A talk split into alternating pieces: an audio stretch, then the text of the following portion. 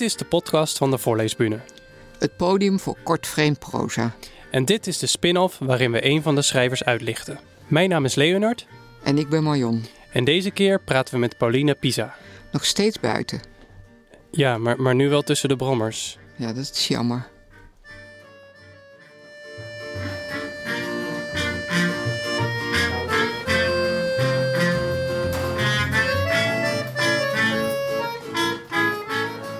Nou, ik ben dus uh, Pauline Pisa. Uh, ik ben opgegroeid in Kanaleneiland. Ik ben dus dichter en ik schrijf proza. Ik treed sinds 2006 op. Het was gewoon nodig om op een gegeven moment met stukjes die ik schreef... om die eruit te kunnen braken. Ik was benieuwd wat men vond. En zo is, treed ik eigenlijk geregeld eigenlijk op. Zo ook hier in de molen. Dat vind ik mooi, want ik liep vroeger altijd hier over de Leidse Kade als ik naar de stad ging. Dat vond ik altijd een van de mooiste plekken om te lopen. Vond ik altijd een stukje buiten in een stad. Deed mij daar altijd wel iets. Hey, en waar schrijf je? Ja, ik heb altijd wel een boekje in mijn tas. Dus uh, als er iets in me opkomt, merk ik wel dat ik het uh, gelijk ook op moet schrijven. Dat het uh, anders vervliegt. Of op een telefoon. En later, op een rustig moment, dan herschrijf ik het of verbind ik het met elkaar. Ja, eens in zoveel tijd koop ik weer een mooie dummy. En dan werk, ik het, werk ik het allemaal weer in het net uit. Ik merk wel dat het, het, het met pen en papier en met de hand schrijven, dat dat het beste werkt voor mij. Dat heb je meer, het meeste contact eigenlijk met uh, met je donder. Dus dat voelt het beste. Het echt afschrijven of uitschrijven van stukken, dat doe ik wel het liefst opgekruld op de bank of uh, in de tuin of uh, aan de eettafel. Dat maakt op zich niet uit. Maar echt uitwerken, dat gebeurt wel thuis. 1984. Straks ga ik mijn vriend weer even bellen. Omdat ik bang ben voor stiltes tijdens onze telefoongesprekken, heb ik drie vragen op een blaadje geschreven die mij er doorheen kunnen helpen. 1. Hoe is het met de blaasontsteking van je zus? 2. Heb je nog gesnoept vandaag? 3. Wat gaat het weer doen deze week? Ik ben eigenlijk niet opgegroeid met kunst vanuit huis uit of, of, literatuur. Dus ik heb ook heel lang, wist ik ook niet wat het eigenlijk was. Maar schreef ik tekst op behang. Dat, werd, dat, dat was niet erg, dat kon, dat mocht. En achteraf gezien, pas heel veel later, bedacht ik me van... Hé, maar dat, dat, steeds maar dat schrijven en dat noteren en dat uitwerken... Dat, blijkbaar is dat, is dat dichterschap. En zo is dat het podium gaan zoeken. En dan kom je toch op een gegeven moment van het een het andere in een circuitje terecht. En dan, dan vallen alle kwartjes eigenlijk op zijn plek. Ik heb ontzettend veel geschreven over uh, het verleden eigenlijk. Ik ben uh, heel veel dagboekfragmenten eigenlijk uit de jaren tachtig heb ik herschreven. Waarvan de kern nog wel klopt en bestaat, zoals ik het ook beschreven heb. Maar dat, dat, is heel lang een, een, punt geweest dat ik maar niet vooruit wilde, maar alles altijd in het verleden eigenlijk uh, beschreef en opschreef. Dat is voor mij een stuk eigenlijk van niet los kunnen laten en uh, uh, niet vooruit willen gaan. En nu merk ik het laatste, laatste half jaar of zo dat ik, dat ik dat wat losser kan laten. Dat ik ook wat meer van het verleden, van, van, van de geschiedenis, van mijn eigen geschiedenis, verleden uh, los kan laten en wat meer naar de toekomst kan kijken. Ja, ik maak van de gelegenheid gebruik om even snel de groetjes te doen. Ik ga de, de groetjes doen aan alle oud-collega's van mijn vader... die bij de PTT op de Fokkema Andrealaan in Utrecht hebben gewerkt. Werknemers die mij inspireerden zonder dat zij het zelf in de gaten hadden. Hier komen ze, de groetjes. De groetjes aan meneer Jongerius... die door weer en wind met wasknijpers aan zijn broekspijpen... op de, werk, op de bromfiets naar het werk kwam aan meneer Dauma, die aan de overkant van het gebouw woonde en op vrije dagen via het raam in de huiskamer naar zijn collega's op de afdeling zwaaide en dan soms een fles wijn omhoog hield. Meneer de Jong, die uitslag in zijn neus had, maar waar de zalf niet bij aansloeg. Tankink, een verwoed postzegelverzamelaar, wiens vrouw per ongeluk het kostbare staatshoofd van Oeganda met de stofzuiger had opgezogen. En Loef, meneer Loef met het vierkante hoofd en de lieve ogen. Krachten, meneer Krachten die in de pauze naar zijn moeder ging om haar broekje te verschonen. Van Zoelen die op een pas gedwaalde vloer uitgeleed een slijding maakte en tegen een directielid tot stilstand kwam. En Bakker, Bakker met het korte bontjasje en de nekhernia, die in de pauze zo'n uitzonderlijk hoog wandeltempo had, zodat het een sport was om hem bij te houden en vaandrager, die na het zetten van een huispermanentje de witte neger werd genoemd. Kampert. Kampert met zijn lammengulp. En meneer Lamsberg die het brood dat zijn vrouw voor hem had klaargemaakt aan de meeuwen voerde. En bij iedere gooi hopla schreeuwde. En Bretthouwer die zijn voortanden in een broodje kaas verloor. En dan Rijntje Douvelier. Rijntje Douvelier die met een applicatie van een poes op zijn trui uit een functioneringsgesprek wegliep. En Smorenburg. Smorenburg die een foto van een ongelukkige jongen op zijn bureau had staan. Een jongen die wijdbeens tussen twee volwassenen een straat uitliep. De mond scheef, dikke enkels, een hoge opgetrokken rug. En er was niemand die Smorenburg durfde vragen wie toch die ongelukkige jongen was. Niemand, helemaal niemand. Die, die wijdbeense boy, de scheve mond, de dikke enkels, de hoge opgetrokken rug. Ach, die jongen. En dan niemand. Aan hem wil ik ook de groetjes doen. Jij bent dus eigenlijk per ongeluk schrijver. Zo zou je het kunnen zeggen. Ja. ja. Ik ben er eigenlijk achter gekomen in 2006 dat ik heel sterk het gevoel had van uh, het werk moet naar buiten. En uh, daar sliep ik ook slecht van. Het, was echt, het was echt gewoon fysiek ook, van het werk moet eruit. Maar ik zat niet in een circuit. Ik was in die zin echt solistisch. En toen heb ik eigenlijk in Amsterdam podia gezocht waarop ik eens kon voordragen. En zo is het eigenlijk, uh, zo is het eigenlijk begonnen. En dat voelde heel goed. En dat, dat paste. En toen vielen de kwartjes. Ik ben er alleen naartoe gegaan met werk onder mijn arm. En het was in Festina Lente. Dat was een, een maandelijkse poëzieslag eigenlijk toen met Simon Vinkenoog. Uh, die dan uh, jureerde. Dat was heel vrij. Dat ging eigenlijk ook vanzelf, terwijl ik geen ervaring had daarin. Dus dat voelde heel goed. En daar was positief werd op gereageerd. En zo ben ik doorgegaan. En het schuurt ook vaak wel een beetje tegen absurdistische uh, situaties en, en, en, dingen niet snel gek vinden en dat juist willen brengen. Misschien ook wel met mijn werk te maken. Dat... Daarvoor sta je ook hier. Ja, precies. Ja. Ja, wat dat betreft is dit het perfecte podium. Ja, ja past goed. Ja, dat het is past. voor jou gemaakt. Ja, absoluut. Ja, absoluut. Ja. Tot zover het gesprek met Pauline Pisa. En dan nu een fragment van de april-editie met de Kift vrienden van mij die in Bos, eh, in uit Bosnië kwamen en weg moesten in de jaren negentig, uh, vertelden aan mij, en ik hoop dat het waar is, dat het in Bosnië vroeger veel makkelijker was om te weten wanneer, uh, laten we even een man en een vrouw nemen in dit geval, wanneer die van, om, om, het makkelijker was om voor elkaar te, van elkaar te weten of het goed zat. Bijvoorbeeld als dan een vrouw op straat liep en, en en de man op wie ze een oogje had, die kwam naar net de hoek om. Dan hoefde ze maar iets uit de handen te laten vallen op straat. En aan zo'n man te vragen om het op te rapen. En als hij dat deed, dan wisten ze allebei dat het goed zat.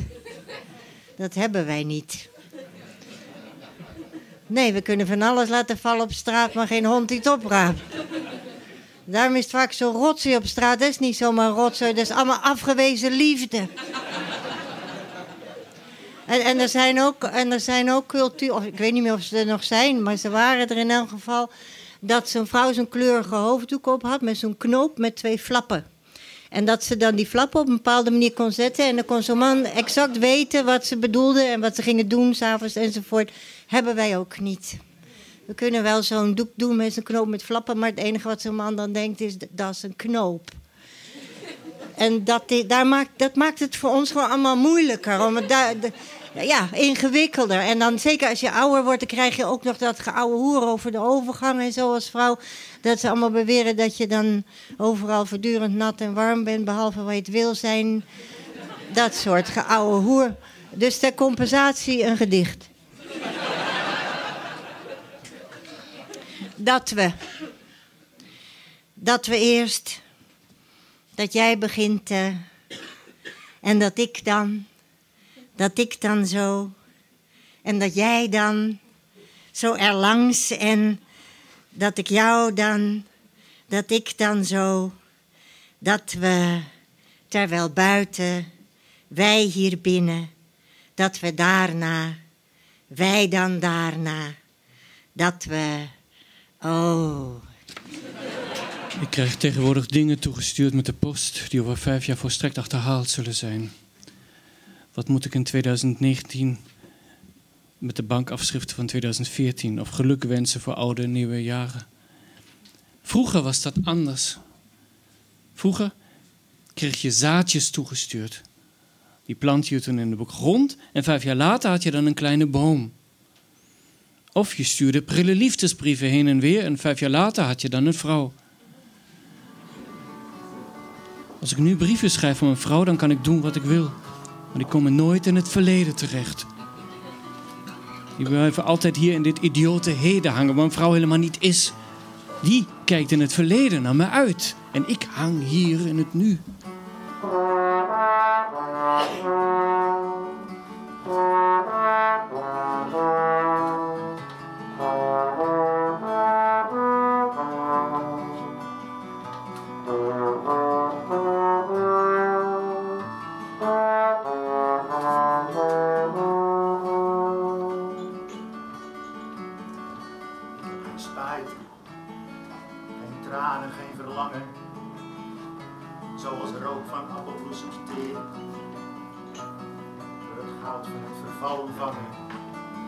Alles voorbij een keer niet meer. Nooit meer zul je zoals vroeger strijden. Mijn hart, dat door de kou is aangedaan.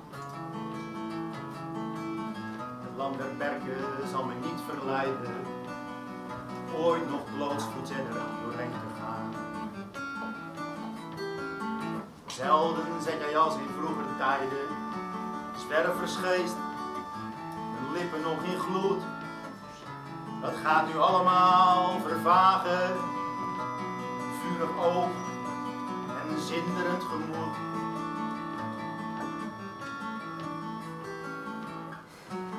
Ik verlang nu minder dan tevoren leven is soms een droom van mij. Het is als reed ik bij het lentegloren, morgens een roze paard voorbij. Elk van ons moet van dit leven scheiden. Koperen lover van de esdoorn kwijt. Wees gezegend tot het eind der tijden al wat bloeit, daarna weer verdwijnt.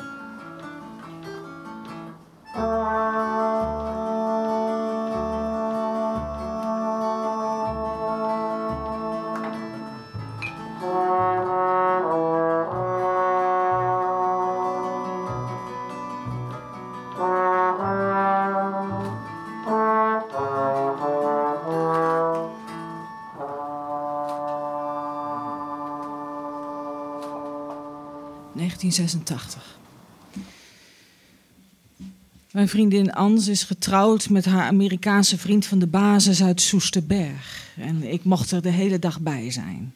Ze hebben trouwfoto's laten maken in de tuin van het Rosarium in Utrecht. Alleen Ans is daar ontzettend boos op Steve geworden, omdat ze vond dat hij niet verliefd genoeg keek. En ze wilde ook dat hij haar zou dragen en dat hij dan met één been omhoog en met zijn voet op een steen. Maar hij kon het niet. Na de val met mijn fiets keek ik recht in die twee bruine knikkers van je. Je stond zo mooi voorovergebogen naar mijn gezicht te turen. Ik sloot mijn ogen even en voelde pijn. Je trok me recht. Merci, zei ik en besefte ineens dat ik anders sprak. Met mijn tong ging ik door mijn mond en voelde een gapend gat. Ik denk dat ik wat tanden kwijt ben. Je knikte zo charmant. Giet. Je zocht en zocht en zocht naar mijn drie tanden, maar vond nergens wat. Ik keek wat verdwaasd uit mijn ogen en deed alsof ik zocht. Ik vond alleen jou. Ik lag zojuist nog met mijn hoofd naast het rioolputje, dus de kans was er dat die tanden in die put tobberden. Jij trok het rooster van die rioolput met je blote handen eraf en stak je hoofd in het gat. En, riep ik, heb je al was gevonden? Ik hield je voeten vast, zodat je nog dieper kon zoeken. Je had hele mooie schoenen aan van leder in maat 44. Ja, riep je. Ik heb er eentje gevonden. Hij is wel bruin en pluizig en de tandwortel is nogal lang.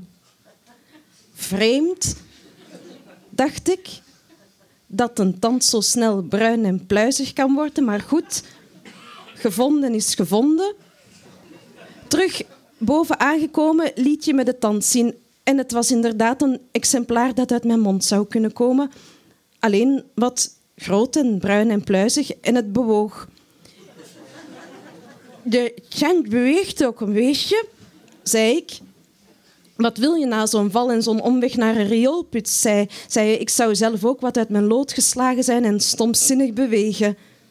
Ja, dat klopt, dacht ik. Ik zou hetzelfde doen als jou als tand. Je stak die bruine tand onder mijn snelbinder van mijn fiets. De andere twee tanden dobberden waarschijnlijk al richting zee. Dat vond ik best een mooi idee. Je gaf me niet je nummer en je naam wist ik ook al niet. Je zei alleen dag en succes. Je leek op een Thomas of een Jeroen of Tom zou ook best wel passen. 1983. Omdat ik niet wist hoe ik het uit moest maken, heb ik het. ah, ik heb het via de intercom in het trappenhuis bij hem gedaan. Eh, Toen hij vroeg wie er beneden stond, zei ik mijn naam en dat het over was. Ik hoorde hem prima zeggen voordat hij de verbinding verbrak. Toen ik wegfietste en naar zijn flat omhoog keek, zag ik hem op het balkon staan. Hij had mijn rode sweater aan en voerde de duiven.